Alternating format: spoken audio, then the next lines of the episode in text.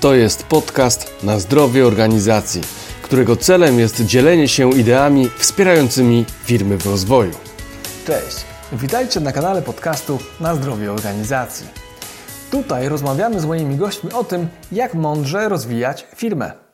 Nazywam się Maciej Sasin i jestem konsultantem rozwoju organizacji, ale także trenerem i coachem. Wspieram firmy w osiąganiu dojrzałości biznesowej. Pomagam im przechodzić kryzysy w rozwoju. Moją misją jest budowanie zaangażowania pracowników. Do podcastu zapraszam trenerów, konsultantów, menedżerów, właścicieli firm, czyli wszystkich tych, którzy mają doświadczenie w przełamywaniu ograniczeń, które towarzyszą rozwojowi każdej organizacji. Zapraszam do słuchania, obserwowania i komentowania. Macie Sasin. Cześć. To drugi odcinek mówiący o pracy zdalnej. Poprzedni, piąty odcinek z Ingą Bielińską poruszał ten temat tylko częściowo. W tym odcinku postanowiłem pogłębić tę kwestię, ponieważ jest to temat, który dotyka nas wszystkich. Wszystkich obecnie żyjących w trakcie epidemii koronawirusa. Miał być to odcinek e, z Pawłem Farfałem na temat e, strategii sprzedaży, jednak uznałem, że lepiej skoncentrować się na bieżących tematach, które są dla naszych słuchaczy bardziej interesujące. Zatem w szóstym odcinku rozmawiamy z Michałem Dębkowskim, członkiem zarządu w Buena Cloud, o tym, jak wdrażać pracę zdalną w organizacji. Rozmawiamy o narzędziach, które można w niej zastosować, a także o czynnikach, które pomagają i utrudniają jej wdrożenie. Rozmawiamy o konieczności zbudowania zaufania w organizacji do pracowników, którzy pracują w formule zdalnej i o tym, jak mierzyć skuteczność i efekty pracy zdalnej.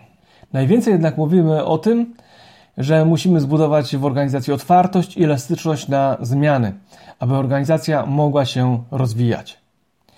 Zanim jednak przejdę do meritum, chcę przypomnieć, że 31 marca organizujemy konferencję w formule zdalnej na temat budowania kultury organizacyjnej w dobie kryzysu. Zapraszam, zapisz się na tę konferencję na stronie evenea.pl, link w opisie odcinka. Mamy 200 miejsc, a na razie jest około 100 osób, więc jeszcze na pewno będą miejsca. Pozdrawiam serdecznie i zapraszam do słuchania. Macie Sasin.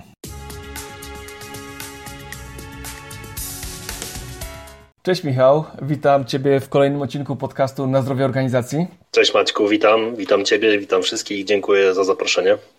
Michał, znamy się już długo, chyba z 11 lat będzie, a poznaliśmy się na szkoleniu, które kiedyś e, prowadziłem u Was w firmie i tak nasza znajomość przetrwała do tej pory. Zgadza się, to już będzie e, dobre ponad 10 lat na pewno. Poznaliśmy się na szkoleniu w jednej z firm, które, w której pracowałem. Ty to szkolenie prowadziłeś. Od tamtej pory mieliśmy okazję jeszcze współpracować kilka razy przy różnych projektach. No i dzisiaj spotkaliśmy się na Twoim podcaście. No, ja się cieszę bardzo, że, że, że udało się spotkać, bo już dawno mieliśmy to zrobić, ale teraz chyba nie ma lepszej okazji, bo będziemy rozmawiać o pracy zdalnej, czyli temat, który rozgrzewa internety do, gorą, do gorączki. No i myślę, że ta rozmowa będzie ciekawa dla naszych słuchaczy, szczególnie w tych czasach koronawirusa. Zgadza się, czasy są rzeczywiście ciekawe internet pęka w szwach prawie że od e, tematu pracy zdalnej, więc e, podwójnie miło mi będzie podzielić się z Tobą i z e, Twoimi słuchaczami moimi doświadczeniami i porozmawiać na ten temat. No właśnie, Michał, powiedz, czym się aktualnie zajmujesz, bo to, to jest na pewno ciekawe dla naszych słuchaczy. Aktualnie pracuję dla firmy na Cloud od kilku ładnych lat. Buena Cloud jest partnerem firmy Google. Od niemalże już 10 lat wdrażamy technologię Google Cloud w organizacjach w firmach, e, również także w szkołach. E, to, to też o tym opowiem pewnie w dalszej części, bo temat pracy zdalnej w ostatnich dniach obejm dotyczy również w bardzo szerokim zakresie szkół, które muszą sobie poradzić z obecnym problemem nauczania. Natomiast e, my w tą technologię Google Cloud, na którą składa się pakiet biurowy G Suite dla firm oraz Google Cloud Platform, czyli usługa, do której możesz sobie przenieść całą infrastrukturę IT, skorzystać z takich rzeczy jak e, przetwarzanie danych w chmurze, jak uczenie maszynowe i wiele, wiele innych usług. E, to bardzo interesujące. Sam, sam korzystam akurat z G Suite'a i też dzięki twojej, twojej poradzie i jakby współpracy. No i e, tak jak mówiłeś o, o tych szkołach, to jest w ogóle ciekawy temat. No, szkoły będą nieczynne praktycznie do, do świąt, więc jeszcze praktycznie e, trzy tygodnie. No ciężki, ciężki temat i widzę jak nauczyciele nadrabiają dług technologiczny na, na prędce, żeby się w cudzysłowie ogarnąć w tych nowych możliwościach i internetach, ale powiem Ci szczerze, to wyjdzie na dobre, wiesz, bo tak czuję, że jakoś ruszymy z miejsca i, i, i nagle się okaże, że rzeczywiście można inaczej. Tak, ja też jestem tego zdania. E, z moich obserwacji z kilku ostatnich dni wynika to, że te projekty, które często były odkładane, dotyczące wdrożeń czy migracji do chmury, teraz są realizowane taką szybką ścieżką, czyli nie mamy już miesiąca, dwóch, trzech na ułożenie tego projektu, na dyskusję, na zaplanowanie wdrożenia, tylko robimy to tak naprawdę w ciągu czasem nawet weekendu. Ostatnio mieliśmy taki bardzo ciekawy projekt z jedną ze szkół w Trójmieście, gdzie wdrożyliśmy e, pakiet e, narzędzi do pracy zdalnej dla 1500 użytkowników dosłownie w 4 dni. Wymaga to mhm. oczywiście e, ogromnego zaangażowania po obu stronach, zarówno po stronie dostawcy, czyli naszej firmy, jak i też odbiorcy i użytkowników tych narzędzi, czyli szkoły. Natomiast no, czas pokazuje, że jak się chce, to można to zrobić, można się nauczyć tego bardzo szybko i można bardzo szybko korzystać z tych narzędzi i czerpać z korzyści, które oferują te, te narzędzia na co dzień w codziennej pracy, czy to jest bez względu na to już, czy to jest firma, czy to jest szkoła. Dokładnie tak jak powiedziałeś, czasami e, potrzeba sytuacyjna wzmaga jakby E, w nas taką potrzebę szybkiego działania i takiego, takiej sprawczości i skuteczności w tym działaniu. No i to widać w ogóle nie tylko w tej branży edukacyjnej, ale też e, no, praktycznie w każdej. Każdy kombinuje, każdy wdraża jakieś na, na prędce no, zasady pracy zdalnej i tak dalej, o czym będziemy rozmawiać dzisiaj. Więc to rzeczywiście jest temat, temat gorący.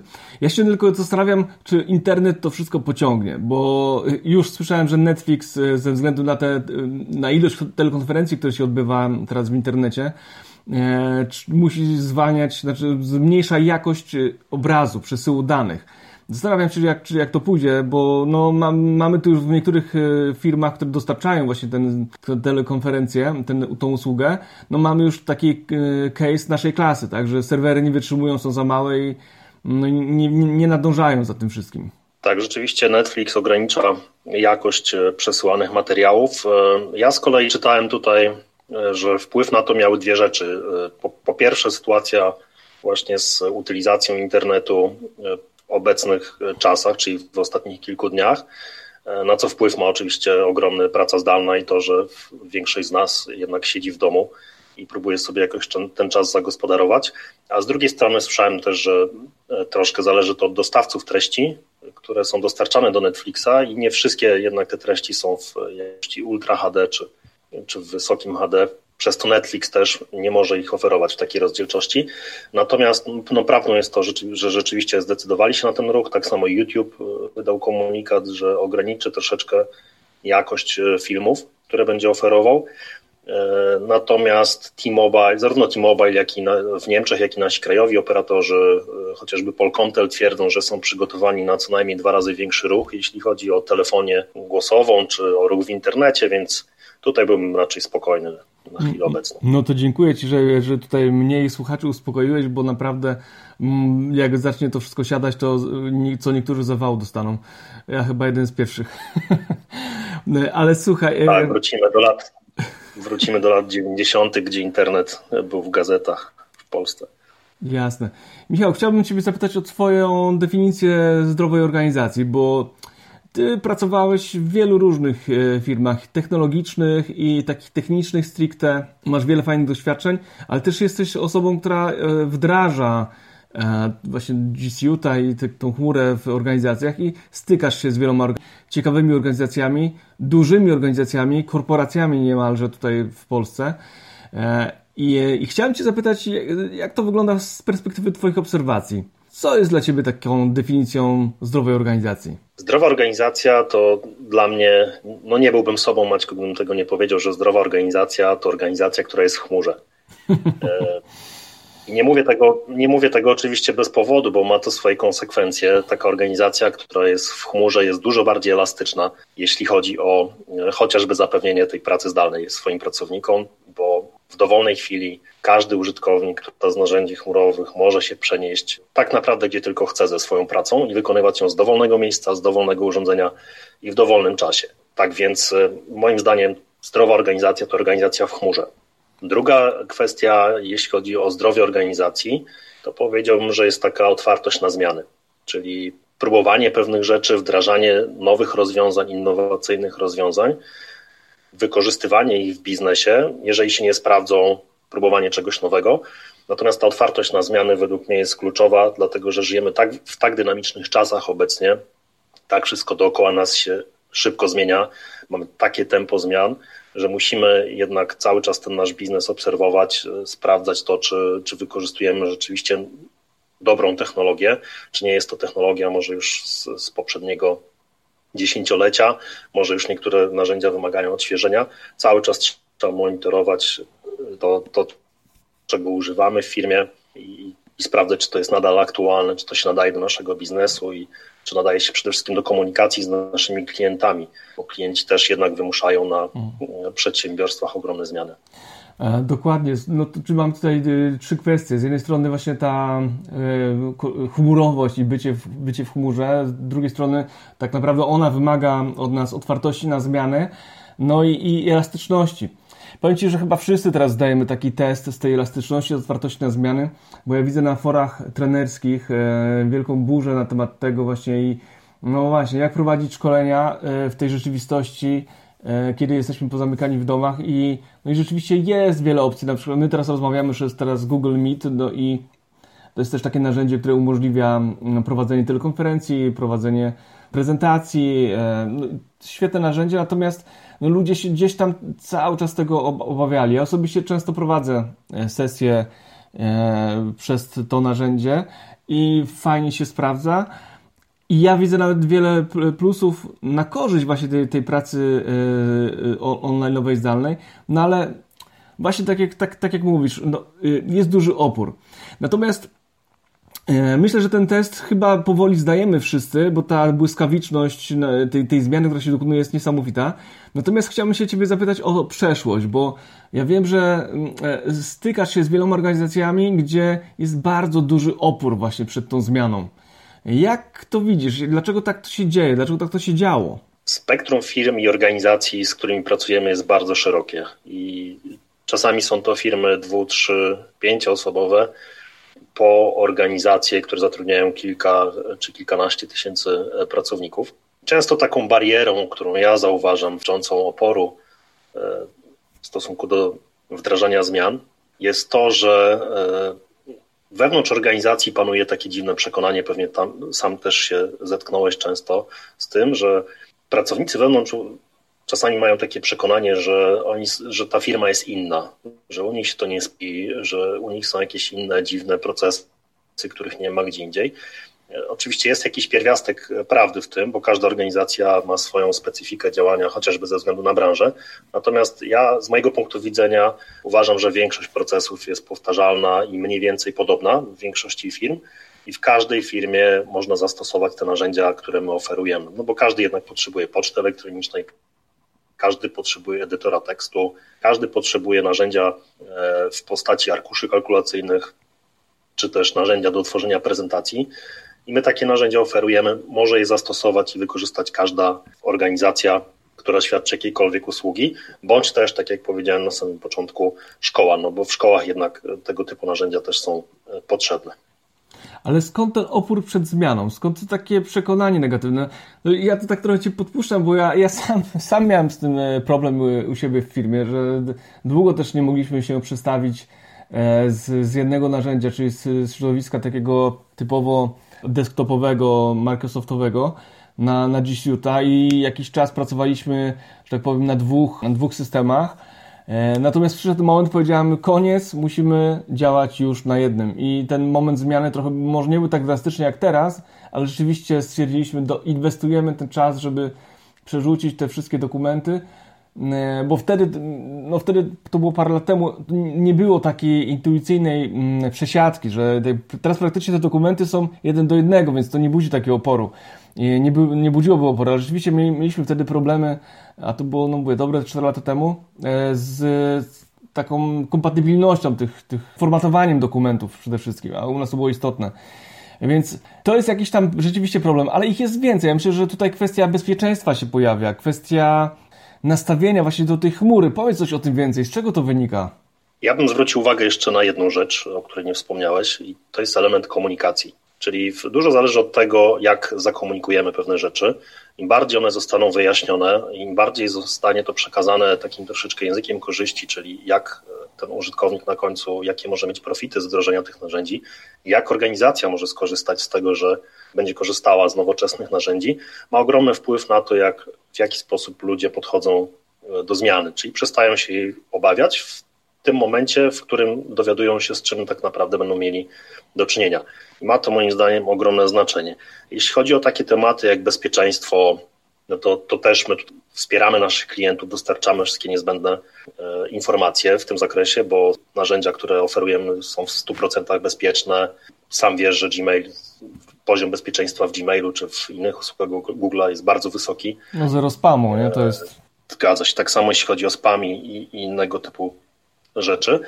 Także sądzę, że większość e, tego oporu wynika z braku wiedzy i z braku komunikacji ludzie nie wiedząc z czym się mierzą, stawiają opór temu, a jeśli to dobrze wyjaśnisz, przedstawisz to językiem korzyści, to wtedy jest troszeczkę łatwiej.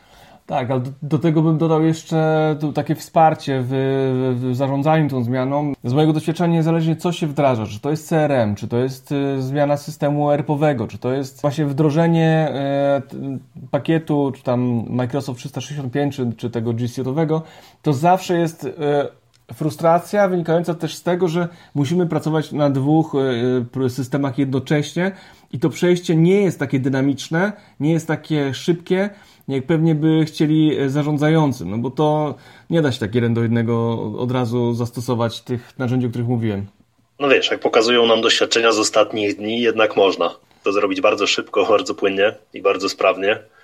Natomiast rzeczywiście, kiedy jest ten czas taki, takiego spokoju na, i zaplan na zaplanowanie tego wdrożenia krok po kroku, to jest to dokładnie, odbywa się w taki sposób, jak e, to opisałeś. Wiesz co, ja Ci powiem szczerze, że ja trochę jestem, trochę nawet zaniepokojony tą prędkością w tych zmian, dlatego, że obawiam się, że ludzie właśnie teraz, wiesz, no, y, tak powiem, zaczynają z tego, tego, y, tych narzędzi stosować, czerpać z, tej, z tego źródełka, ale zaraz może dojść e, do, tej, do, do, tego etapu frustracji, tak? Czyli okaże się, że no właśnie, no nie do końca skutecznie się komunikujemy, nie do końca wiemy, jak coś zastosować, zaczynamy się troszeczkę przy tym męczyć. Technologia nas trochę może irytować, może zwalniać, może no, no, no nie, nie, jakby to wszystko tak dzieje się dynamicznie, że nie ma czasu właśnie na dobre przemyślenie. I ja myślę, że może być niestety, jeżeli na przykład ta, ten, ta sytuacja się skończy, e, to może być taki krok wstecz i ucieczka do tego, no teraz możemy już odetchnąć, możemy już zacząć normalnie stosować. No mam nadzieję, że tak nie będzie, ale jest takie zagrożenie chyba. Zagrożenie rzeczywiście istnieje zawsze, tak jak ryzyko. Natomiast myślę, że te narzędzia oferują jednak więcej korzyści w biznesie i w takiej codziennej pracy niż e, tych elementów, które mogłyby ci zaszkodzić. My, jako partner Google'a e, i pewnie inne firmy również, służymy pomocą właśnie w każdej firmie, każdej organizacji, która chciałaby z tych narzędzi skorzystać. Można skorzystać również z naszego know-how, czyli my chętnie dzielimy się wiedzą w zakresie tego, co dostarczamy, jakie produkty oferujemy. Pomagamy firmom w ich wykorzystaniu. Nasza współpraca z klientami nie kończy się tak naprawdę na przekazaniu loginów i haseł i powiedzeniu OK, system jest gotowy, to teraz my idziemy sobie dalej, wyjdźcie sobie swoją drogą, tylko wspieramy cały czas naszych klientów w takim codziennym wykorzystaniu tego systemu. Jak sam wiesz, dzielimy się nowościami, które oferuje Google, pomagamy w wykorzystaniu dostępnych narzędzi czy, czy dostępnych opcji. Cały czas jesteśmy gdzieś tam z boku tego klienta, również w tych takich e, sytuacjach niepewności czy czy, czy jeżeli klient nie wie tak naprawdę, co byłoby dla niego dobrym rozwiązaniem, to też jesteśmy w stanie udzielić pomocy i doradzić, dlaczego warto jednak zostać e, i wykorzystać to, co już zostało wdrożone, nie skreślać tej pracy i nie przenosić się gdzie indziej. Tak, wiesz tutaj ja obserwuję taki problem, że u siebie obserwowałem na początku, że tych narzędzi jest tak dużo, że nawet człowiek nie wie dokładnie z, z czego może zaraz skorzystać i jak, jak to wy, wy, wykorzystać. Tak naprawdę to całe dobro, które się gdzieś tam utrzymuje w tej pracy, w tych narzędzi pracy zdalnej. Ostatnio nawet pojawiała się taka nowa, e, nowa aplikacja Jamboard. Nie wiem, czy widziałeś, na pewno widziałeś. Tak, znam Jamboard doskonale. E, natomiast nie jest to tylko aplikacja. Jamboard to jest również hardware. To jest, Jamboard to jest taka wirtualna tablica, to żebyśmy wyjaśnili może tym, którzy e, nie spotkali się wcześniej z tym produktem. Jamboard to jest taka wirtualna tablica, do której też jest oprogramowanie. Dostarczane oczywiście przez Google Możesz sobie tą tablicę postawić na przykład w Poznaniu, ja mogę mieć drugą u siebie w Trójmieście i możemy sobie razem na tych tablicach pisać. Ty widzisz to, co ja piszę na swojej, ja widzę to, to co piszesz ty na swojej tablicy. Na końcu gdzieś tam spotkania wszystko nam się to zapisuje do pliku i mamy taki zapis naszego spotkania. Oprócz tego Jamboard możemy również wykorzystać do, do prowadzenia wideokonferencji, no bo to jest jednak ekran jakby nie było z wbudowaną kamerą, więc świetnie się sprawdza też w tym obszarze. Tak, to jest w ogóle fajne narzędzie, chociaż mówię, ja na przykład je zobaczyłem i, i tak niedawno i trochę o nim zapomniałem, dzisiaj sobie odświeżyłem. E, właśnie, to jest taki moment, że trzeba się zastanowić, jak to wykorzystać i problem polega na tym we wdrożeniu tych, tych narzędzi, one często dają świetne możliwości, są naprawdę e, interesujące, kreatywne, ale czasami musimy pogłówkować, jak możemy to u siebie zastosować. A jest też coś takiego, że gdzieś tam mamy te takie przyzwyczajenia naturalne i chcielibyśmy, żeby było wszystko jeden do jednego nam służyły. Natomiast no, zawsze jednak ta technologia e, musi, e, czy wymusza na nas zmianę nawyków, wypracowanie nowych, no i to jest zawsze no, wyzwanie. To jest po prostu zarządzanie zmianą. I teraz jest jednak tak, że to się dzieje moim zdaniem trochę za szybko, ale inaczej nie da się. No taka jest rzeczywistość. No nie da się, bo albo sami się do tego zmusimy, albo zmusi nas do tego otoczenie, albo zmuszą nas do tych zmian nasi klienci. Więc lepiej zrobić to po swojemu i na własnych zasadach, niż zostać przez kogoś do tego przymuszonym, chociażby przez sytuację związaną z koronawirusem. E, rzeczywiście to tempo zmian jest duże, natomiast no, nie taki diabeł straszny, jak go malują. Można sobie spokojnie się uporać z takim wdrożeniem. Rzeczywiście tych opcji jest sporo, jeśli chodzi o aplikacje, e, ale nie bez powodu wspomniałem Ci na samym początku, e, jak pytałeś mnie o definicję zdrowej organizacji, e, nie bez powodu wspomniałem, że jest to organizacja otwarta na zmiany, dlatego że nie sztuką jest wdrożyć jeden do jednego te narzędzia i przenieść obecne procesy do, do procesów w chmurze. Dużo ważniejsze według mnie jest to, żeby te procesy przy okazji pozmieniać. Może się okazać, że arkusz kalkulacyjny czy Excel, którego robimy w sześć osób od nie wiem, sześciu lat, już się nie nadaje, już może trzeba go przepisać, trzeba to zrobić inaczej. I często takie wdrożenie prowadzone przez nas jest taką okazją właśnie do przejrzenia procesów, do sprawdzenia, co jest jeszcze aktualne, czy to, co robimy, rzeczywiście ma dalej sens, czy można to robić łatwiej, czy można to zrobić inaczej, a może w ogóle nie musimy już tego robić, bo może mogą to zrobić za nas komputery, tak? No dokładnie właśnie, to jest całe to dobrodziejstwo, że e, no, chociażby no, w mojej specyfice często my działaliśmy w taki sposób, że e, pracowaliśmy na dokumencie wordowskim, później ktoś mi go przysłał mailem, ja go e, poprawiałem, później odsyłałem komuś, ktoś mi znowu odsyłał i tak żeśmy w kółko sobie przesyłali to. E, nawet, a nawet jeżeli to było na jakimś tam Dropboxie, e, no to no, jednak tylko jedna osoba mogła nad tym pracować jednocześnie. A teraz jest tak, że możemy sobie pracować wspólnie, możemy sobie robić burzę mózgów, możemy się, możemy czatować w trakcie tworzenia dokumentu, możemy sobie zostawiać komentarze, w tych komentarzach dawać e, powiadomienie na mailu i w ogóle zmieniło jakość, jakość pracy po prostu no niesamowicie. Ja już nie, po pierwsze, ta skrzynka nie jest tak zarzucona tymi mailami. No, to naprawdę warto, znaczy ja to bardzo doceniam i nie wyobrażam sobie teraz inaczej. Przypomina mi się teraz taka koleżanka, która kiedyś mówi, jak wdrażaliśmy CRM w jednej z firm, z którym pracowałem, to ona powiedziała na początku, Boże, ile to jest roboty, jakie to jest w ogóle pracochłonne i w ogóle niepotrzebne, w ogóle kto to będzie tego, kto to będzie z tego korzystał, kto będzie to wpisywał wszystko. Po pół roku słyszę taki tekst od niej, który zabrzmiał w taki sposób. Macie, nie wyobrażam sobie, jak mogliśmy wcześniej pracować bez tego CRM-a. Ale pół roku musiało minąć, e, dopóki ta zmiana się gdzieś tam nie zakorzeniła w niej. Więc to jest, e, no, proces zmiany to jest czas. Proces zmiany to jest czas. Musimy się nauczyć, musimy się otworzyć, musimy zmienić nawyki. No ale już w organizacji, no to już jest w ogóle duża sztuka, bo indywidualnie to jest sztuka, a co dopiero w większym zespole. Dobrze o tym wspomniałeś, bo też często słyszę e, te słowa typu nie wyobrażam sobie, jak mogliśmy wcześniej nie wykorzystywać tych narzędzi, albo jak mogliśmy wcześniej na to nie wpaść, że coś takiego jest, to, to się bardzo często pojawia w naszej codziennej pracy. E, odniosę się jeszcze na chwilę do tego przesyłania plików to i z powrotem, o którym mówiłeś, bo rzeczywiście jeszcze do niedawna, może nadal w wielu organizacjach tak to wygląda, że te pliki, syła, wysyła, odsyła z powrotem, powstaje wersja pierwsza, wersja druga, wersja 2.1, 2.2, 2.8, potem przychodzi jeszcze 1258. do zespołu kolejna osoba, kolejna osoba, która, która już w ogóle nie wie o co chodzi i zaczyna pracować jeszcze na innym pliku.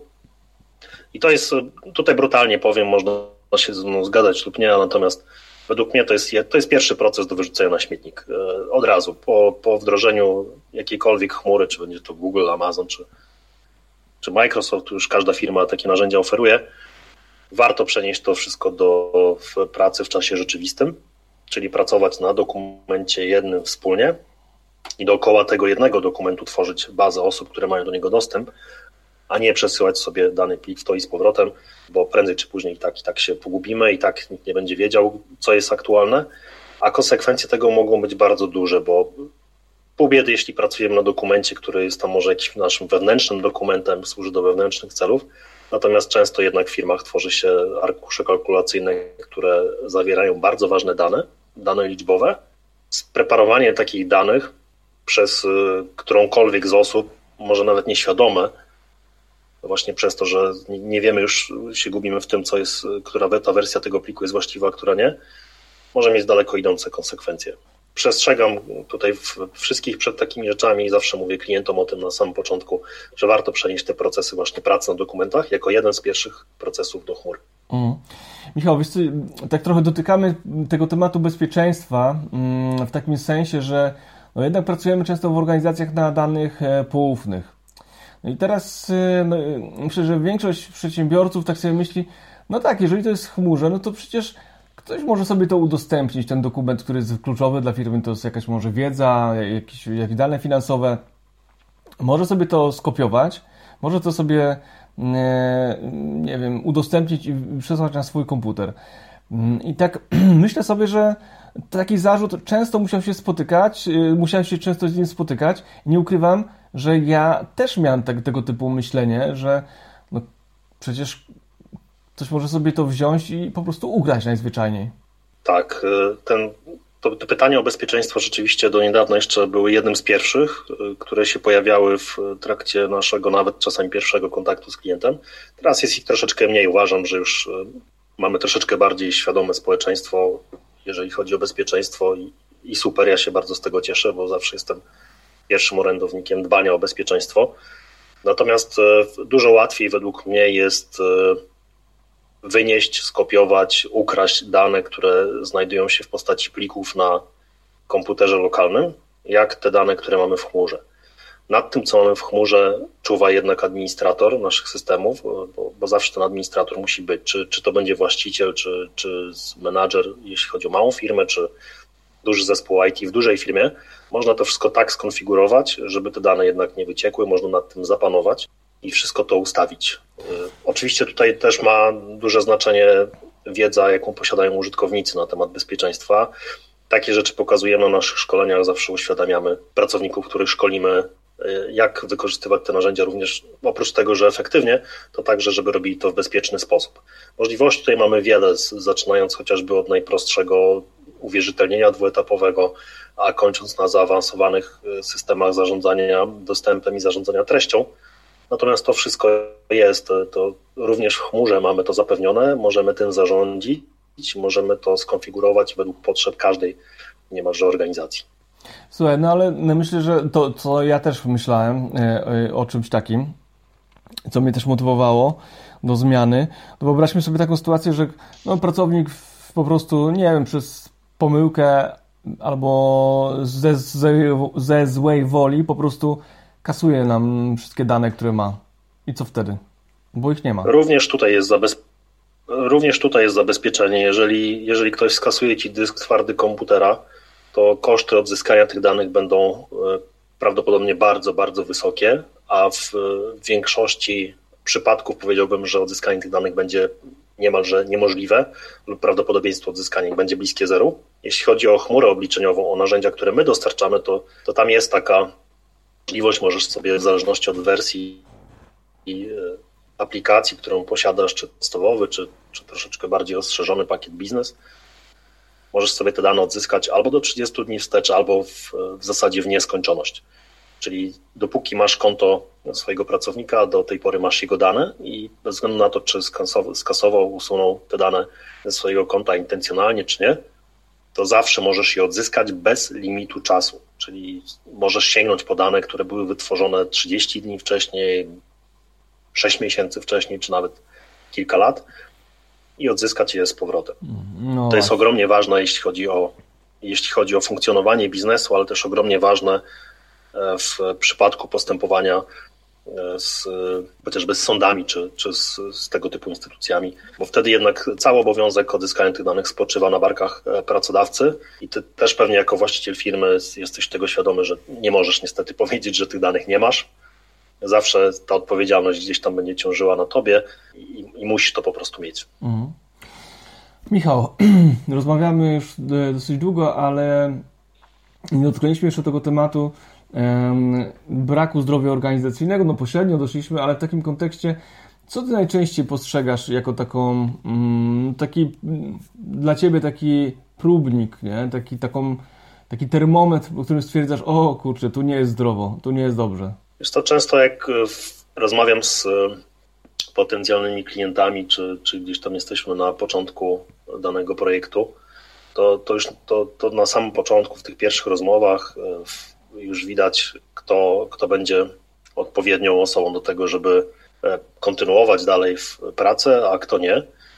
Często słyszymy właśnie rzeczy typu, że coś się u nas nie sprawdzi, takie negowanie już na samym początku, nie wiedząc jeszcze tak naprawdę, co się wydarzy w przyszłości. Nie oczekuję oczywiście od, od wszystkich ludzi, że będą zarażeni symptomem Richarda Bransona, czyli jestem na tak ze wszystkim, zawsze jestem na tak i tu widać właśnie, w, czy, czy organizacja jest zdrowa, czy nie, właśnie w kontrze do tego, co na początku powiedziałem odnośnie wprowadzenia zmian i, i wprowadzania innowacji, mogę teraz powiedzieć, że pierwszym takim symptomem, który obserwuję często na samym początku jest, jest brak tej chęci w ogóle nawet próbowania.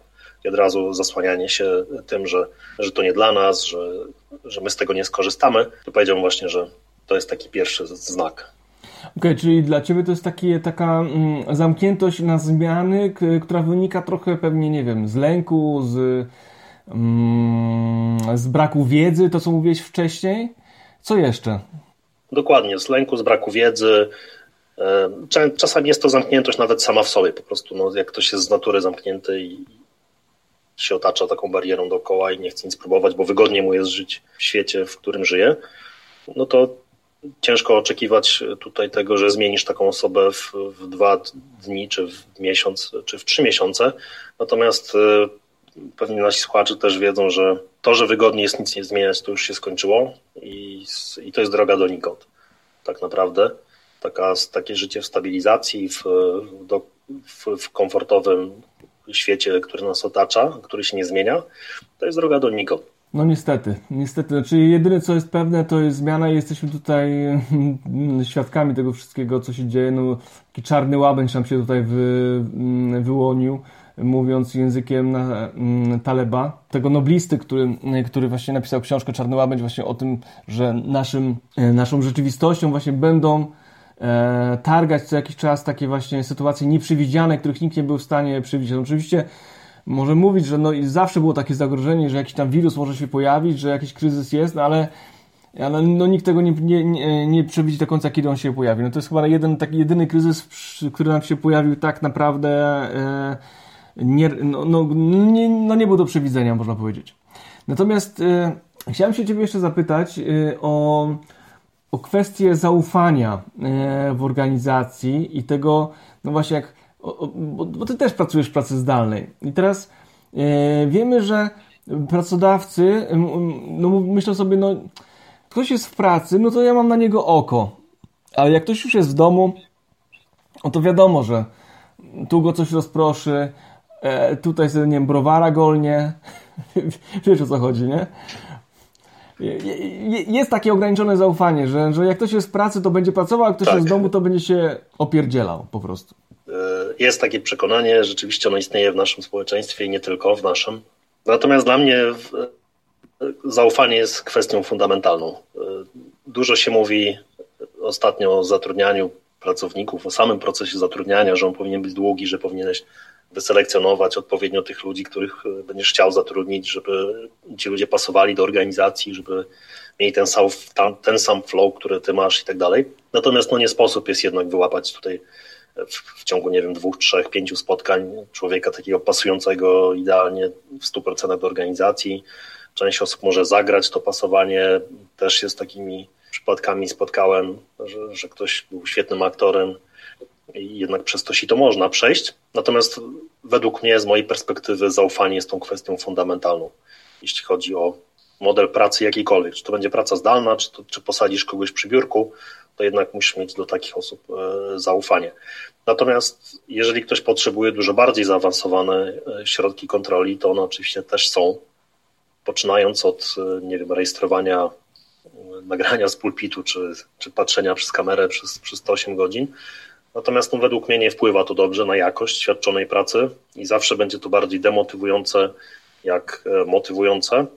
Oczywiście ludzi można przyzwyczaić do wszystkiego i jeżeli będziesz coś stosował przez 2-3 dni, miesiąc, pół roku, rok, no to w pewnym momencie ktoś tam się do tego przyzwyczai, ktoś odejdzie po drodze, zatrudnisz kogoś nowego, komu to pasuje i tak dalej. Jednak ja bym wrócił tutaj do, żeby z daleko nie odbiegać do tej kwestii zaufania, bo dla mnie ona jest fundamentalna. E, dodatkową kwestią, którą bym tutaj poruszył, jest e, to, jak będziemy też taką pracę zdalną rozliczać, jak będziemy się komunikować, e, jak będziemy ze sobą rozmawiać, e, spotykać się wirtualnie. Takie zasady muszą być ustalone wcześniej i muszą być jasne dla wszystkich, którzy na, takim, na taki home office czy, czy pracę zdalną pójdą. U nas e, w organizacji mamy to raczej w DNA naszym, ponieważ co prawda mamy dwa biura, jedno w Poznaniu, drugie w okolicach Düsseldorfu w Niemczech. Jednak większość naszego zespołu pracuje zdalnie od samego początku. I, I, my mamy to jakby w DNA, tutaj nikt nie musiał nikomu nic tłumaczyć. E, zresztą w ogóle uważam, że w firmach technologicznych jest dużo łatwiej, bo tutaj występują zupełnie inne mechanizmy, zupełnie inna świadomość technologiczna, zupełnie inna rozliczalność e, też tej pracy niż w takim klasycznym modelu. Więc takim firmom jak nasza jest też może trochę łatwiej e, nawet nie zaimplementować, bo tutaj ciężko mówić o implementacji, jeżeli robimy coś e, od kilku ładnych lat. I dla nas tak naprawdę te ostatnie dni tutaj nie wniosły nic nowego do naszego modelu pracy, bo my tak po prostu działamy od e, kilku ładnych lat. E, prawie że od samego początku, rzekłbym. Natomiast wracając jeszcze do Twojego pytania, chciałbym dotknąć kwestii tej pracy zdalnej troszeczkę bardziej firmach działających w trochę bardziej klasyczny sposób.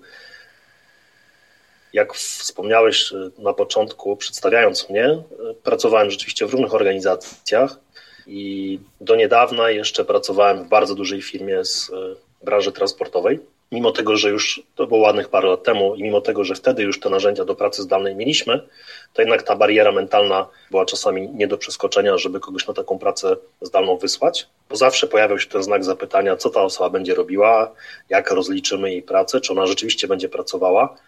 Więc to, to co powiedziałeś, to jest takim dla mnie też e, potwierdzeniem tego, że ta praca zdalna musi być e, dobrze dookreślona, czyli zadania muszą być dobrze nazwane, wydelegowane, w odpowiedni sposób monitorowane. Gdzieś tam te kroki milowe e, pomiędzy tymi e, wykonaniem tych zadań, one powinny e, być wyznaczone.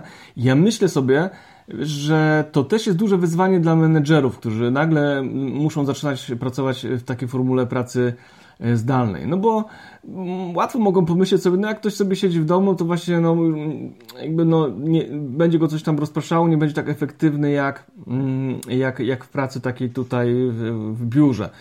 I ja myślę, że bardzo ważne jest to, żeby ustalić zasady mm, współpracy, też te, tego, co jest do zrobienia, ale też zasady komunikacji, w jaki sposób będziemy się komunikować, w jaki sposób będziemy siebie informować i tutaj też jest konieczne jakby nasilenie częstotliwości tych działań, tak, żeby, tak myślę sobie, żeby, tak jak wy, wy macie taki rytuał, że codziennie się zwa, zwaniacie, wspólnie rozmawiacie, może warto coś takiego zrobić na początek dnia, na koniec dnia, gdzieś pomiędzy.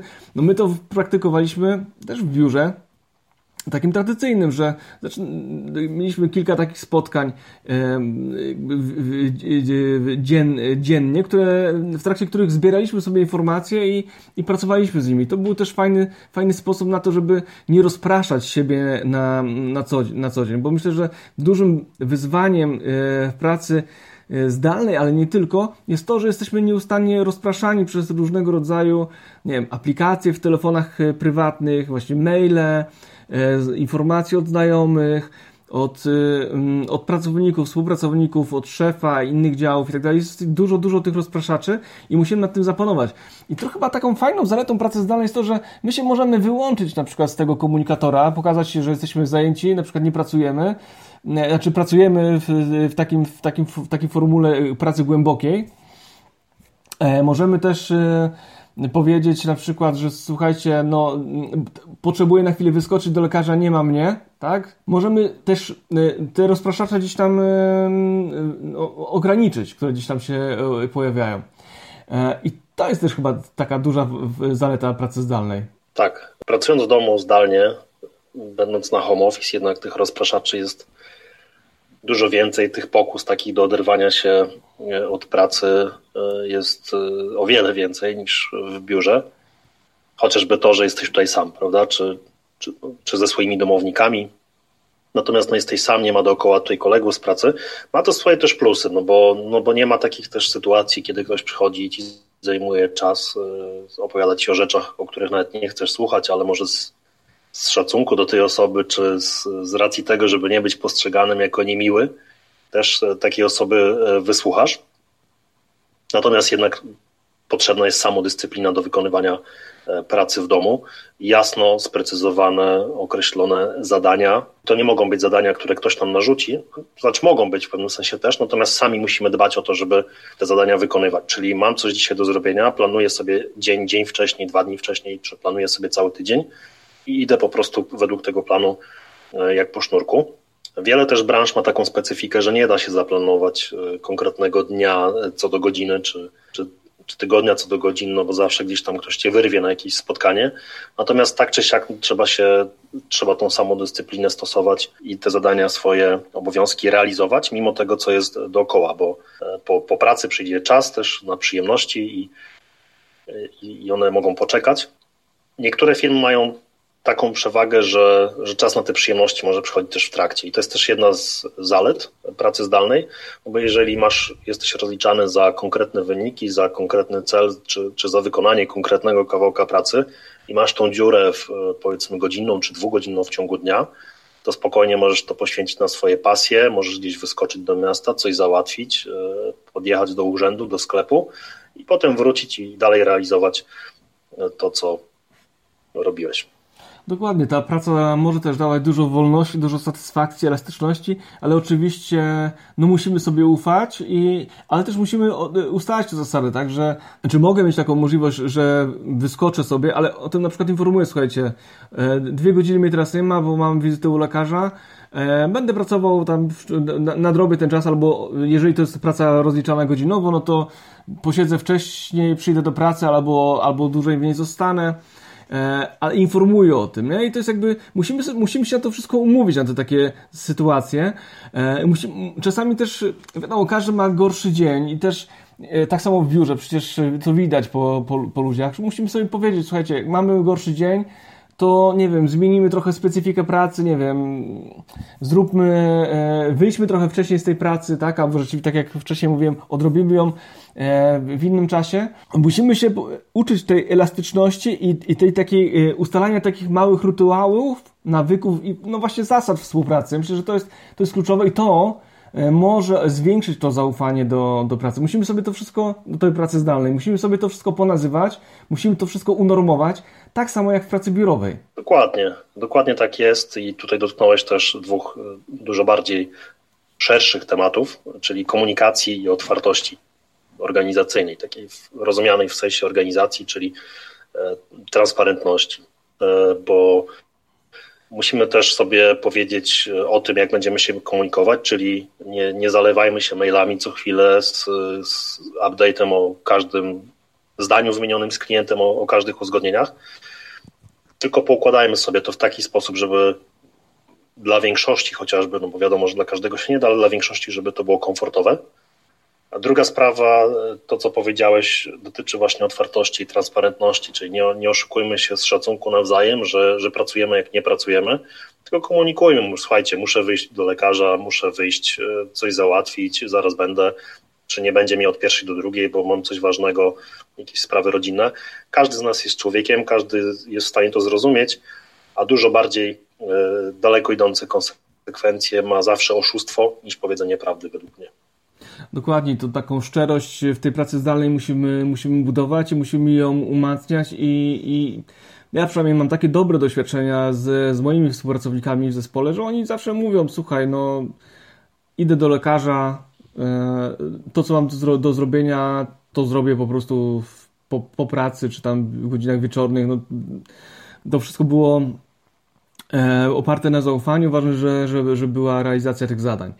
E, natomiast tak sobie myślę, że no, tak, patrząc jakby na, na trochę inną specyfikę pracy, nie taką w firmie technologicznej, ale na pracę handlowca, no to praktycznie 90% handlowców, którzy pracują w terenie, no to właśnie no, chyba 100%, no, oni wykonują pracę zdalną tak naprawdę, no bo są w samochodach, mają laptopy, e, mają niezależność. Oczywiście można ich monitorować tam poprzez GPS-y, przy, przy, w jakimś sensie e, przez wpisy w CRM-ie, e, ale oni też wykonują pracę zdalną.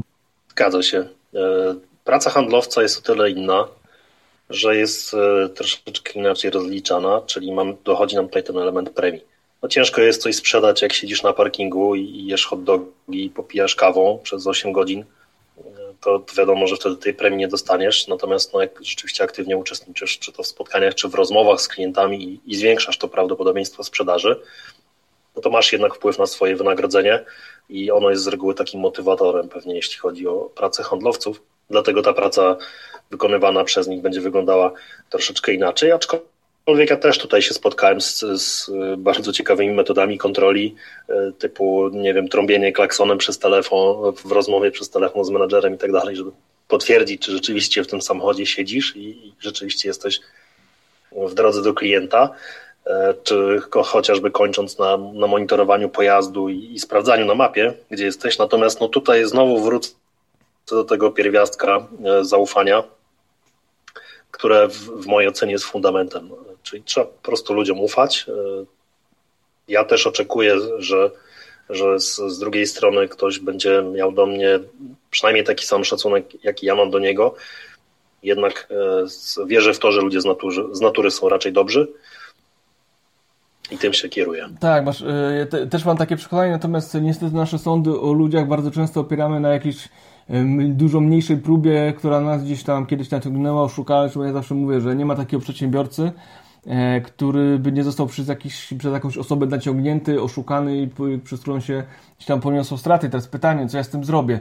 Czy ja to wdrukuję sobie do głowy, że wszyscy kłamią, wszyscy oszukują, czy ja się potraktuję to jako pewnego rodzaju e, wyjątek i i będę to traktował jako taką, taki błąd w sztuce, e, co nie, co nie oznacza jednak mimo wszystko, że nie należy jakby monitorować, delegować i wyznaczać celów. I znaczy tu w tej pracy handlowca jest o tyle jakby to wszystko precyzyjnie zazwyczaj określone, że masz do wyrobienia target i musisz go zrealizować i czyli handlowcy no, w większości po prostu e, tą pracę wykonują e, no, uczciwie, tak? W miarę uczciwie. Oczywiście są tacy, którzy gdzieś tam kombinują i często mi to przypomina taką zabawę w policjantów i złodziei, tak, że to jak wy nam coś narzucicie, no to my to obejdziemy w jakiś sposób, tak, i ja mówię, że my tu w Polsce jesteśmy, jesteśmy tak kreatywni, że, że możemy cuda zrobić, tak? No w jednej firmie, no mógłbym podać wiele przykładów, no ale w jednej firmie się na przykład okazało, że handlowiec oprócz produktów tej firmy, yy, jakichś tam spożywczych, to sprzedawał jeszcze jaką, jakąś inną, yy,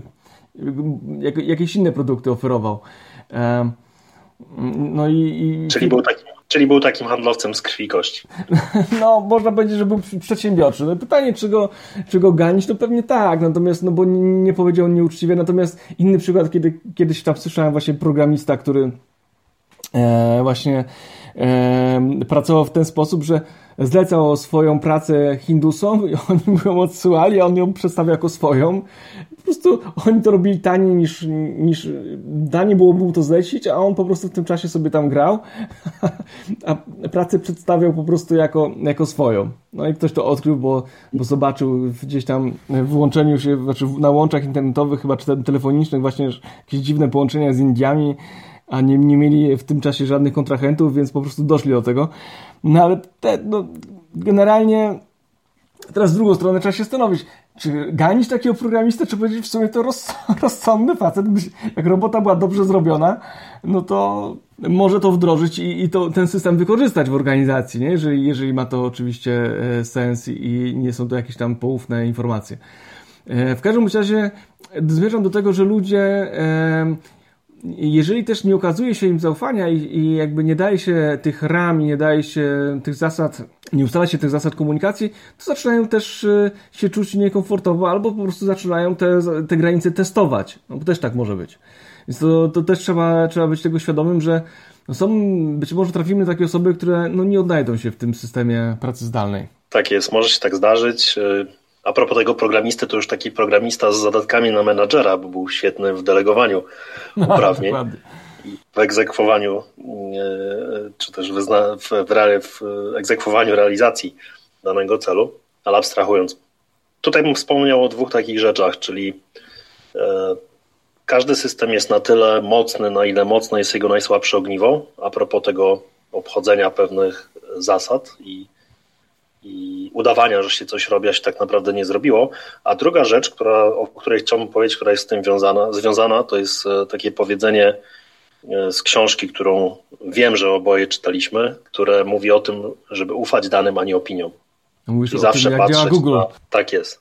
Czyli zawsze patrzeć na dane i one tak naprawdę są odzwierciedleniem tego, co kto zrobił lub co kto będzie robił, czy robił w przeszłości i żeby nie budować swoich osądów też o ludziach w oparciu o opinię, bo to może być bardzo mylące, tylko o dane, bo ciężko sobie czasem zbudować, ja się z tym spotkałem już wiele razy, ciężko sobie zbudować, y, no wiesz, mówi się o tym, że poznajesz człowieka w ciągu pierwszych trzech sekund tak naprawdę, ja się częściowo tylko z tym zgadzam, bo ciężko jest sobie zbudować y, dobre zdanie o kimś, kto jest taki bardzo introwertyczny, i, i, nie ma cech takiego, wiesz, prawdziwego handlowca, który przychodzi zawsze z uśmiechem, pierwszy wyciąga rękę i w ogóle najchętniej się z tą przytulił, zaprzyjaźnił i, i poszedł na piwo po 10 minutach.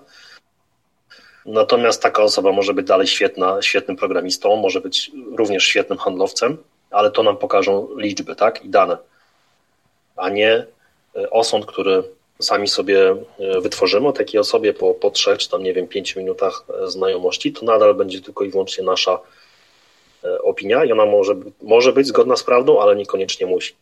W kontekście pracowników tak naprawdę dane pokażą nam to, co taka osoba robi, w czym jest dobra i w czym się świetnie sprawdza, do czego można, do jakich projektów można wykorzystać ją w przyszłości.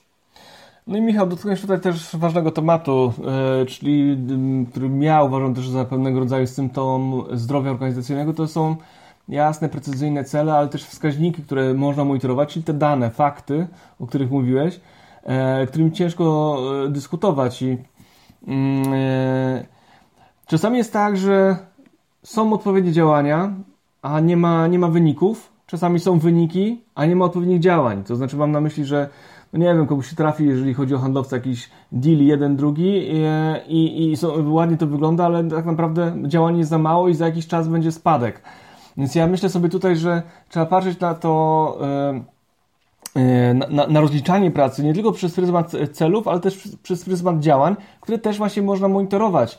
E, w, w, w, które powinniśmy monitorować, no to w różnych branżach to się różnie robi. No mamy jakieś tam tajemniczego klienta, mamy w obsłudze klienta na przykład, mamy wspólne, wspólne wizyty w terenie z handlowcami, mamy gdzieś odsłuchy telemarketerów, może być to testowanie e, kodu przez testera. No jest, jest, jest szereg możliwości, którymi możemy weryfikować e, pracę, ale to jest właśnie mm, opieranie się na faktach i na na danych. Dokładnie tak. Dokładnie tak. To, to te dane tak naprawdę powiedzą nam o tym.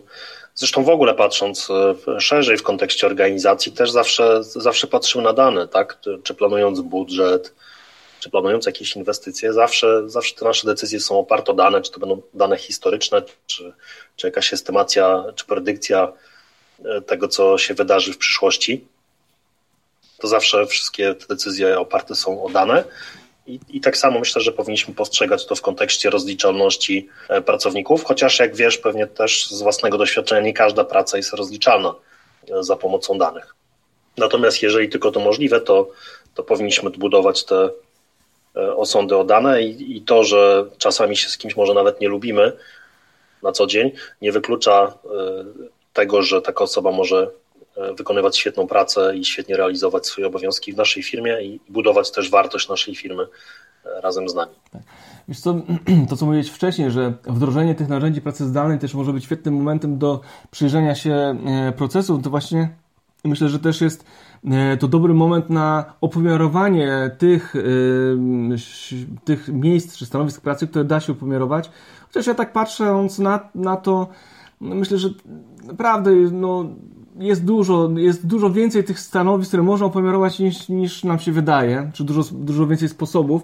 Uważam, że, że mimo wszystko no, warto, warto wyznaczyć sobie te wskaźniki w organizacji, bo jeżeli tego nie będziemy robić, no to wiadomo, no, nie będziemy mogli tym zarządzać, tak? I obudzimy się kiedyś w pewnym momencie i okaże się, że jesteśmy daleko w lesie, a nie tam, gdzie myśleliśmy, że, że, że będziemy, więc tu musimy naprawdę się też otworzyć na, to, na, na te wskaźniki, na to opomiarowanie, na te cele. E, no i oczywiście działać tutaj smartnie, czyli e, no nie przesadzać z tymi celami, nie, patrzeć na, na, na osiągnięcie ich realistycznie i tak dalej, i tak dalej.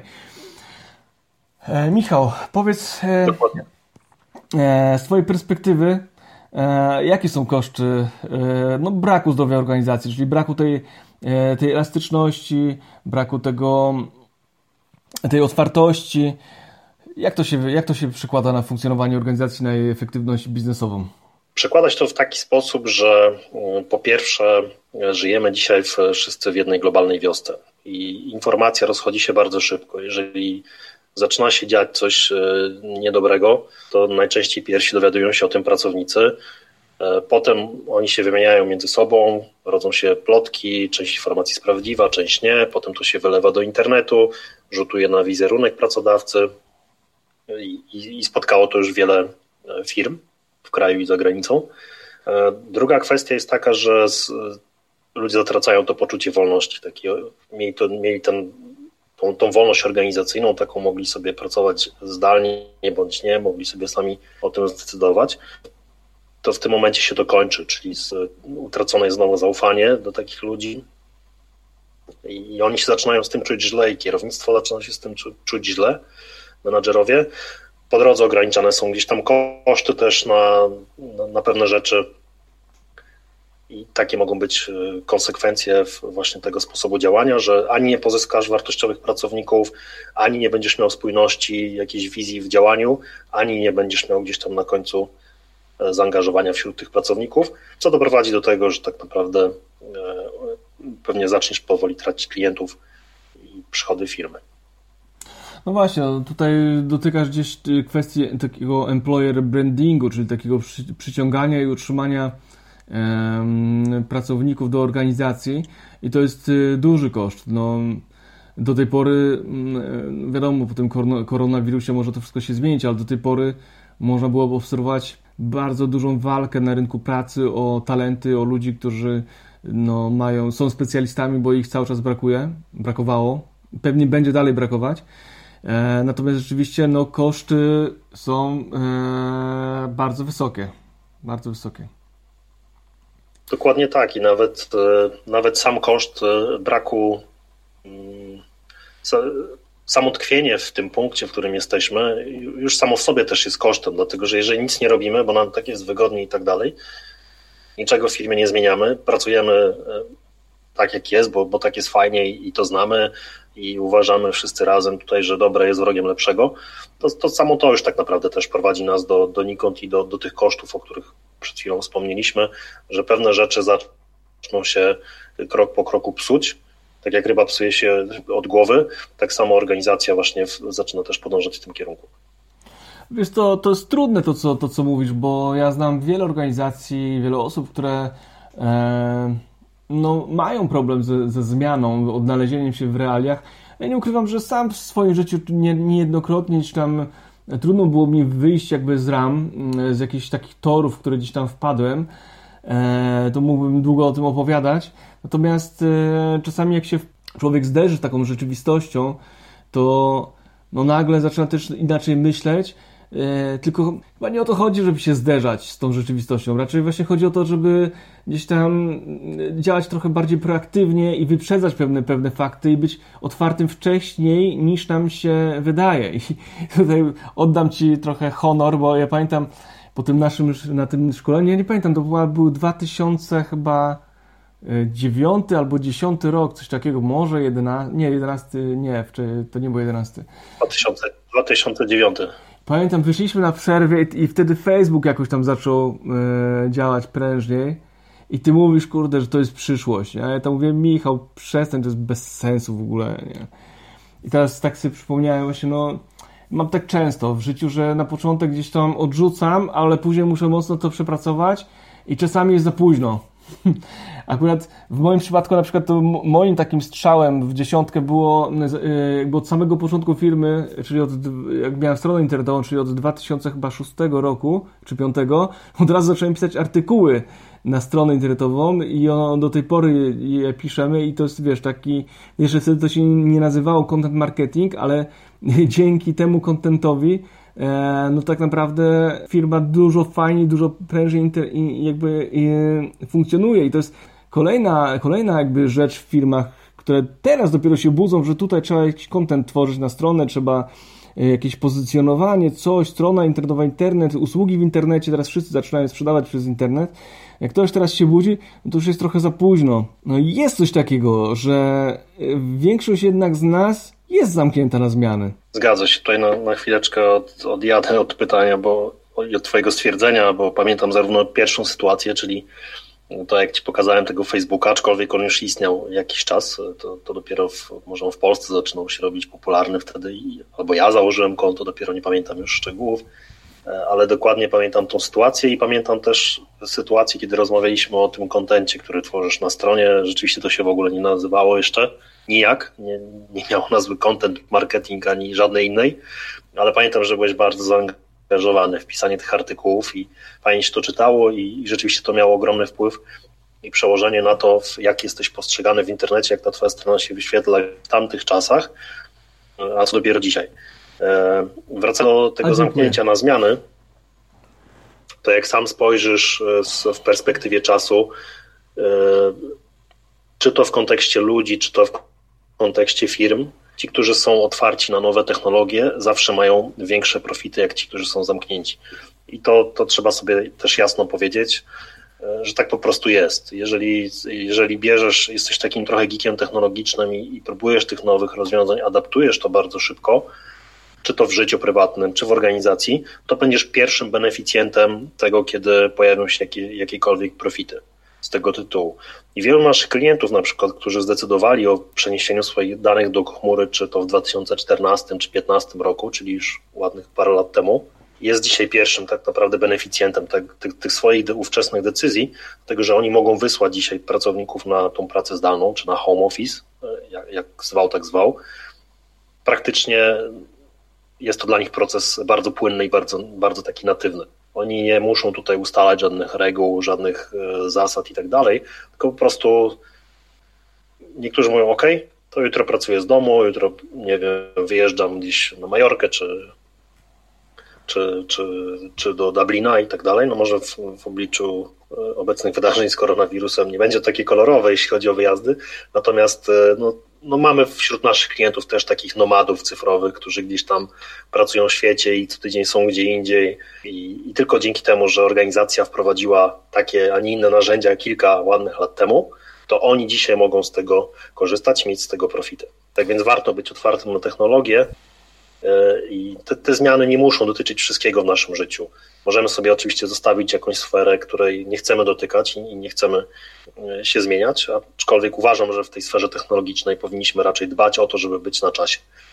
Szczególnie w obliczu ostatnich wydarzeń. No dokładnie. No, ja tutaj tylko na potwierdzenie Twoich słów jakby opowiem o krótko o tej książce o, o Amazonie, którą ostatnio czytałem, czyli jednym kliknięciem. No przecież właśnie e, Bezos jak, jak wyczaił jakby temat internetu, bo temat zaczął się wtedy rodzić, to był chyba 95 rok, jak dobrze kojarzę. E, no zobaczcie, tu mamy 25 lat i tam już była ta księgarnia, tak? I cała ta historia i, i jakby i cały czas inwestycje i jakby kreatywne odkrywanie i nadążanie, wyznaczanie trendów. Ja, ja pamiętam, który to był rok? To był 2006 rok, jak ja trafiłem na artykuł właśnie o Amazonie, o tym, jak oni funkcjonują, jak funkcjonuje ta strona, jak ona podpowiada właśnie wybory, pamięta te wybory.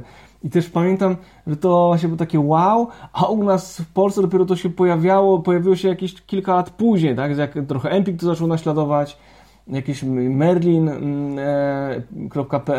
Jeżeli, tak myślę sobie, jeżeli nie potrafimy jakby sami wykreować takiej rzeczywistości, no to dobrze odpowiednio szybko spojrzeć e, w odpowiednią stronę i wzorować się po prostu na tych, którzy te trendy wyznaczają. Tak jest, we wzorowaniu się na kimś nie ma nic złego, moim zdaniem.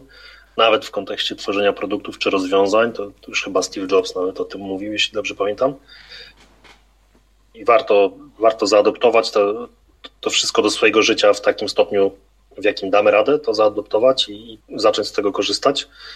E, te rozwiązania Amazona, o których wspomniałeś, które były wprowadzone już kilkadziesiąt lat temu, wtedy może niektórzy podchodzili tego jak do jeża i też mówili, że to się nie sprawdzi. To, to nie ma prawa bytu. Tak samo było zresztą z iPhone'em, jak pamiętasz, i, i z reakcją Nokia na tego iPhone'a. Kierownictwo Nokia też mówiło, że to, to się nie sprawdzi, że to jest jakiś chwilowy trend. Natomiast no, jak pokazała nam przeszłość, było dokładnie odwrotnie. Tak więc myślę, że w tym świecie technologii jednak warto być na czasie. Tak. Zgadza się. No ja. Mimo tego, że nie. Mimo tego, że nie zawsze jest czas na to, żeby być na czasie. Tak, tak, dokładnie masz rację. Ja nawet sobie ostatnio uświadomiłem, że gdzieś yy, yy, tworząc jakieś teraz yy, materiały właśnie do internetu na temat pracy zdalnej, no, na stronie już mieliśmy cztery artykuły w 2017 roku opisujące właśnie te narzędzia, które teraz dopiero wszyscy opisują i to już do, teraz pomyślałem dobre 4 lata temu, nawet tak z koleżanką, która pisała właśnie te teksty, ona mnie zapytała, kto to wymyślił, a ja mówię, no jak to kto? My wymyśliliśmy. No i to tak, e, to było jakieś tam wyczucie, tak, że wtedy, ale to był ten moment właśnie, co poznaliśmy, e, weszliśmy właśnie w G Suite'a i zobaczyliśmy te, fajne, fajne narzędzia i zaczęliśmy też Trello korzystać i naprawdę warto i musimy, tak, musimy. Ja jak pokazuję ludziom na szkoleniach e, z efektywnego systemu pracy te narzędzia takie IT, to ludzie cały czas otwierają oczy, nie? Tak sobie myślę, no, tak już wiesz, jak coś się, tak, tak klątwa wiedzy, tak już coś wiesz, to to myślisz sobie, no pewnie wszyscy to znają, nie? a tak naprawdę 90% e, osób robi wielkie oczy i mówi, o, to tak można, a ile to kosztuje? Za darmo jest. Za darmo? O kurde, to fajne. No bo tak. nawet te narzędzia Google też są za darmo przecież. To, to e, Trello tych takich dla takich małych zespołów, czy każda tak naprawdę aplikacja, e, czy na przykład CRM, tak? E, Zoho, który też mi notabene ty poleciłeś, którego ja cały czas korzystam. E, więc e, naprawdę trzeba być otwartym. Trzeba być otwartym na, e, na, na nowe, na zmiany, bo inaczej będziemy mieli tak zwany dług technologiczny, którego będzie bardzo trudno spłacić w przyszłości. Tak jest. I tak uważam, że ten dług technologiczny u nas jest dużo mniejszy jak w niektórych innych krajach europejskich. E, natomiast e, wracając do otwartości na technologię i do do tych osób, które może będą nas słuchały i sobie pomyślą, ale jak to ja mam teraz całą firmę, że od razu i tak dalej, e, to, to chciałbym powiedzieć, że żeby nie, nie robić takiego wielkiego kroku od razu, nie zaczynać z wysokiego C, czyli że przenosimy na hura, w piątek podejmujemy decyzję, a w poniedziałek już, e, już na 100% naszej firmy działa w chmurze, bo to działa tak w zasadzie trochę takiej kuli śnieżnej, czyli zacznijmy od tych rzeczy, które możemy już teraz przenieść. Najczęściej są to e-maile, najczęściej są to dokumenty, e, takie, z którymi pracujemy na co dzień. Poużywajmy troszkę tego i potem te narzędzia chmurowe zaczynają nam w firmie same się jakby dobudowywać, bo się okazuje, że znaleźliśmy w chmurze narzędzie do prowadzenia projektów, które działa lepiej niż to, czego używaliśmy do tej pory. Znaleźliśmy narzędzie do prowadzenia do listy zadań, które działa lepiej niż to, czego używaliśmy do tej pory. Tak się zaczynamy tymi aplikacjami dobudowywać, a przez to, że one są w chmurze nie wymagają po, po stronie lokalnego IT żadnych takich skomplikowanych instalacji, bo wystarczy je pobrać, kliknąć dwa razy i w zasadzie ta aplikacja jest gotowa. To już są w tej chwili tak intuicyjne narzędzia, że każdy w zasadzie może z nich skorzystać. I to już potem idzie właśnie takim procesem kuli śnieżnej, że to, to wszystko zaczyna się nam dobudowywać, przenosimy coraz więcej procesów i nie musimy tego wymyślać, to się po prostu robi już dla nas natywne po, po jakimś tam okresie e, używania takich narzędzi. Dokładnie. Ja to mówię zawsze. Obawiali, spróbowali, przekonali. Po staropolsku. Po staropolsku. Michał, zbierzamy do końca. Chciałbym Ciebie zapytać o takie na koniec dwie, trzy rady dla właścicieli firm, dla menedżerów. Jak budować zdrową organizację w kontekście pracy zdalnej? Jakbyś tak miał podsumować wszystko o to, o czym mówiłeś dzisiaj, o czym rozmawialiśmy, to co byłoby najważniejsze w tym momencie? Co trzeba byłoby zrobić? Tak, czyli rady na złe czasy. Nie chciałbym tutaj doradzać też w obszarach, w, w, w których nie czuję się ekspertem, dlatego po, pozwól, że się skupię na tym, na, w, w czym jestem dobry. E, pierwszą taką radą, to milion razy już dzisiaj powiedziałem, ale powtórzę jeszcze raz na sam koniec, przenieść jak najszybciej swój biznes do chmury. Im szybciej to zrobisz, tym, tym organizacja będzie zdrowsza, wszyscy będą szczęśliwsi, będzie Wam się lepiej pracowało, wygodniej i, i będziecie w stanie lepiej adaptować się do nowych warunków biznesowych w przyszłości, a takie z pewnością nas czekają. Tutaj nie ma co ukrywać. Każdy, kto prowadzi firmę, jest przygotowany na to, co się pewnie w niedługim okresie wydarzy i pewne rzeczy będą przedefiniowane, czy tego chcemy, czy nie. A to, że będziemy gdzieś tam korzystali z tych nowszych narzędzi, z nowej technologii, z technologii, która jest w chmurze, będziemy w stanie szybciej i lepiej i efektywniej ten biznes na te czasy przygotować i przełączyć ewentualnie, jeżeli będzie taka e, konieczność. A druga kwestia, może taka bardziej moja osobista, e, jest taka, żeby myśleć długoterminowo, w takim kontekście długoterminowym, bo jednak jakby nie było, każdy kryzys rodzi też pewne możliwości i to, że coś się skończy, nie oznacza to, że coś się nie zacznie. I być może pojawią się też jakieś nowe możliwości dla naszej firmy, dla naszej organizacji, z których będziemy mogli też skorzystać.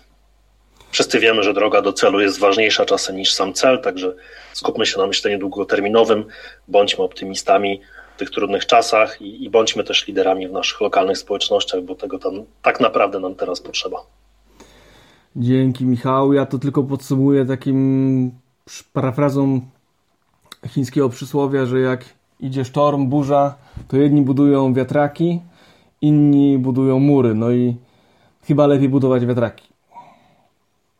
Zdecydowanie tak, podpisuję się w 100% pod tymi słowami. Michał, dziękuję Tobie za udział w tym szóstym odcinku podcastu e, na zdrowie organizacji. Byłoby, było mi bardzo miło Ciebie gościć. Mnie również, Maćku, dziękuję. Dziękuję Wam za wysłuchanie i do zobaczenia wkrótce. Do zobaczenia, do usłyszenia.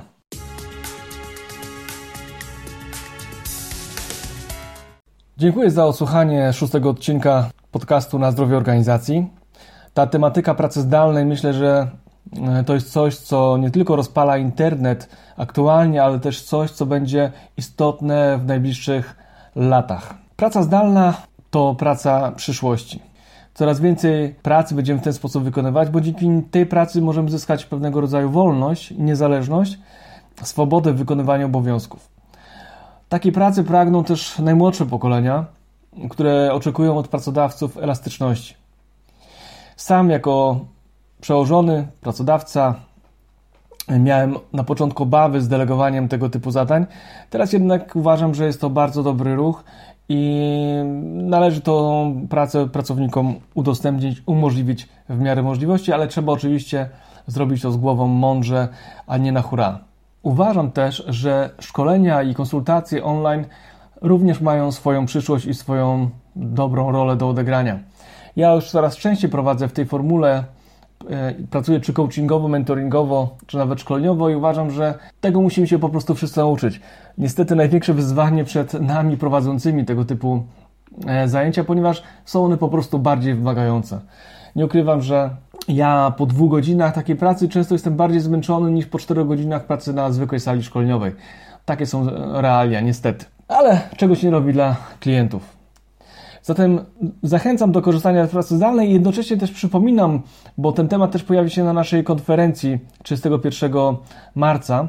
Zachęcam do tego, aby w niej uczestniczyć w formie zdalnej oczywiście, no bo teraz tylko taka jest możliwość, a będziemy mówić o tym, jak budować kulturę organizacji w czasie kryzysu. Bardzo ciekawe tematy, bardzo ciekawe, mm, mamy nadzieję dla Was przynajmniej, e, pomysły przygotowaliśmy na tę konferencję.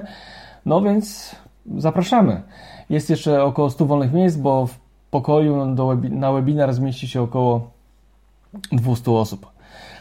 Zapraszam też do odsłuchania kolejnego odcinka. Tym razem już no, na pewno będzie Paweł Farfał i będziemy rozmawiać o strategii sprzedaży. Bardzo fajny odcinek. No i oczywiście chcę wspomnieć o subskrybowaniu, obserwowaniu tam, gdzie możecie tego e, podcastu oraz do, o pozytywnych komentarzach w iTunes, na które nie ukrywam liczę, ponieważ dodałyby one e, energii do, do działania i do tworzenia. Tymczasem dziękuję, że byłeś ze mną. Na zdrowie organizacji Maciej Sasin.